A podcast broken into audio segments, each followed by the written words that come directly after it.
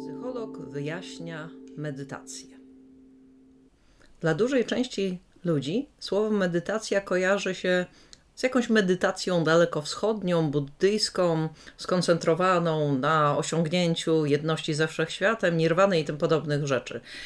Mm, dla części się to kojarzy z jogą, dla części, do której ja należę, to słowo medytacja od razu wzbudza skojarzenia z medytacją, kontemplacją, modlitwą. Y, gdzie tu miejsce psychologii? Otóż odkryłam niesamowicie ciekawy podcast Andrew Hubermana, psychologa z Uniwersytetu Stanford, który z punktu widzenia neurobiologii omawia sprawy, no, na, właśnie na przykład medytacji. Podcast, który na ten temat wysłuchałam, miał 3,5 godziny i jeszcze nie wyczerpał tematu. Więc e, tutaj zrobię taką absolutną pigułkę. Pierwsza rzecz, która jest związana z medytacją. Naprawdę jest sporo badań naukowych pokazujących, że taka medytacja, takie e, posiedzenie czy nawet poleżenie w absolutnym, totalnym skupieniu, nawet przez kilka minut raz na tydzień, daje ogromne korzyści zdolności do lepszego koncentrowania uwagi, e, lepszym samopoczuciu, generalnie lepszym takim e, balansie emocjonalnym. Więc warto. Pytanie oczywiście o to, jaka medytacja. Zawsze mnie strasznie bawiły te medytacje skoncentrowane na rodzynce, którą należy wpierw tam wziąć, po, obejrzeć, powąchać, zjeść. W każdym razie to mnie zawsze śmieszyło. Zresztą mi nigdy nie wychodziło, a od Hubermana dowiedziałam się między innymi dlaczego. Pierwsza sprawa. Pod słowem medytacja naprawdę ludzie rozumieją bardzo, bardzo, bardzo różne rzeczy, więc tutaj umówmy się na taką roboczą definicję, że to jest e, siedzenie w totalnym skoncentrowaniu e, nieruchomo przez kilka minut. Hmm? I teraz tak, 40% bodźców, które dochodzą do nas z zewnątrz, pochodzi od wzroku. Czyli w momencie, kiedy my zamykamy oczy, odcinamy aż 40% bodźców dochodzących do nas z zewnątrz. Dlatego medytacja, podczas której ma się zamknięte oczy, sprzyjałaby większemu skupieniu, ale to zależy naprawdę od wielu czynników. Pierwsza rzecz, którą warto zobaczyć na swój temat, to jest, y, czy mamy skłonność raczej do introceptywności czy ekstraceptywności. Co to oznacza? Bardzo króć, krótki, spokojny test. Usiąść sobie wygodnie na parę minut, zamknąć oczy i zastanowić się, co najbardziej odczuwam. Osoby introceptywne będą w tym momencie bardziej świadome swojego wnętrza. Czyli na przykład zaczynają wyraźnie słyszeć bicie swojego serca, rytm oddechu, być może nawet y, pracę jelit, każdym razie to są odczucia przede wszystkim dochodzące z wewnątrz. Dla osób ekstraceptywnych z kolei wyostrzają się inne zmysły, czyli na przykład zmysł dotyku. Zaczynamy odczuwać e, każdy punkt swojego e, ubrania, gdzie jest niewygodnie, gdzie akurat jest, gdzie swędzi, gdzie dotyka. Zaczynamy słyszeć e, dźwięki wyraźniej z otoczenia. Ponieważ większość medytacji, e, takich typowych, jakby mm, neutralnych światopoglądowo, mówi o skupieniu się na swoim wnętrzu przy zamkniętych oczach. I to bardzo łatwo przyjdzie osobie intraceptywnej. Huberman mówi, powinniśmy postępować wbrew naszym naturalnym inklinacjom, bo dopiero wtedy to jest naprawdę efektywne naprawdę pomaga. Czyli jeżeli ktoś ma tą skłonność do y, odcięcia się od bodźców zewnętrznych i skupienia na swoim wnętrzu, to niekoniecznie powinien medytować z zamkniętymi oczami, a raczej wpatrzeć się w jakiś punkt e, i też skupić na czymś na zewnątrz siebie.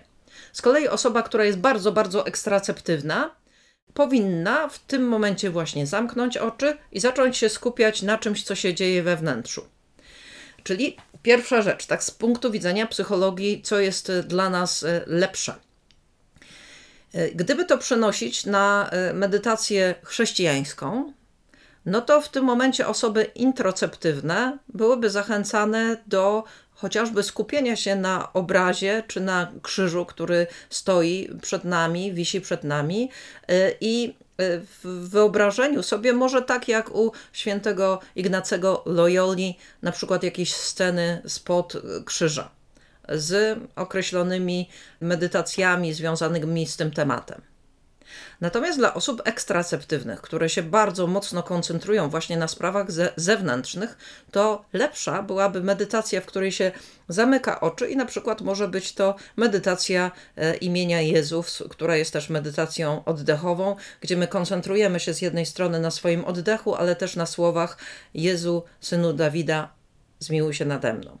Kolejna rzecz ja tutaj wiem, trochę mówię tak, jakbyśmy tą medytację traktowali e, użytkowo, to znaczy, że jest medytacja, która ma być poświęcona modlitwie e, do Boga, ale ma przynieść nam określone korzyści. Tylko, że ja tutaj bardziej mówię o tym, co jest y, generalnie dla nas bardziej pozytywne, bardziej skutkujące dobrymi rezultatami, bo też będzie wymagało większego wysiłku, czyli będzie przynosić korzyści pod względem duchowym, jak i korzyści pod względem e, psychologicznym.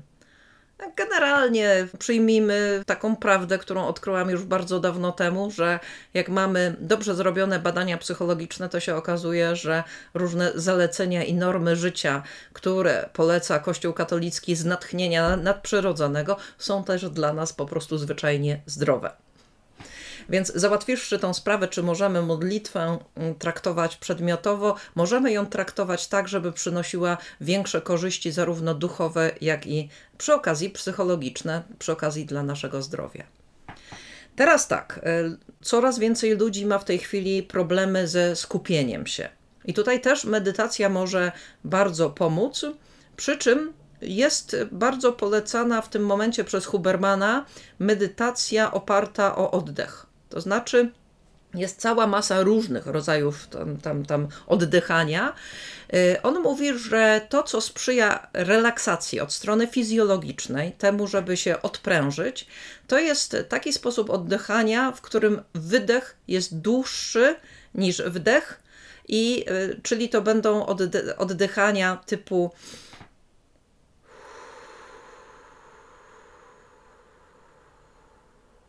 krótki, gwałtowny wdech, długi wydech. Taki, w który wkładamy też e, uwagę i wysiłek.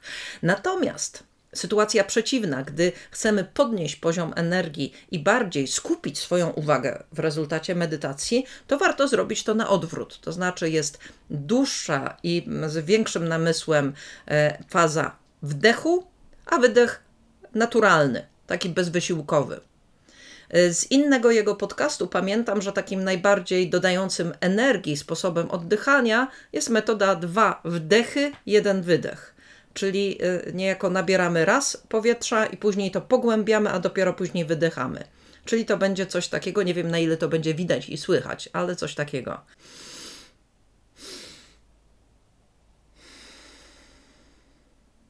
Hmm?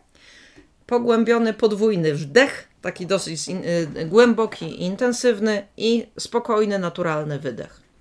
Czyli to będzie druga rzecz, o której warto myśleć.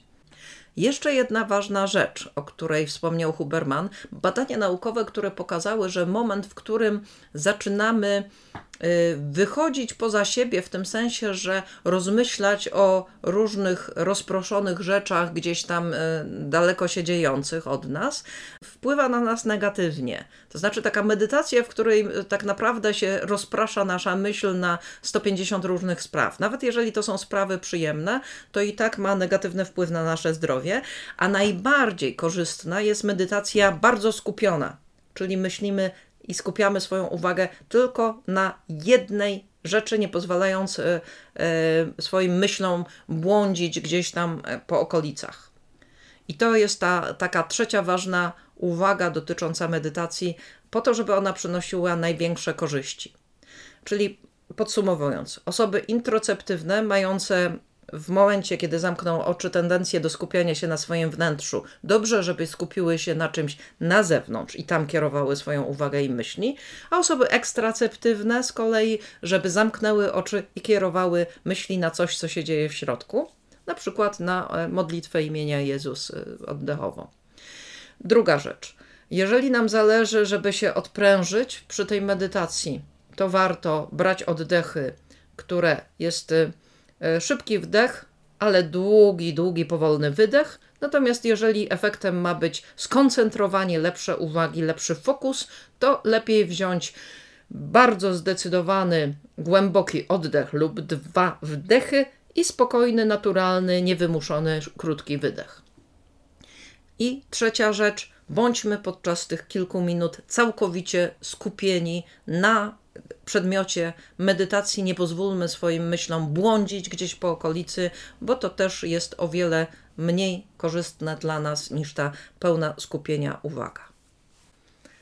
Bardzo dziękuję. Mam nadzieję, że to, co powiedziałem, chociaż bardzo skrótowe, będzie dla Was inspirujące. A gdyby ktoś chciał wysłuchać całego 3,5 godzinnego podcastu w języku angielskim Andrew Hubermana, załączę link pod moim nagraniem.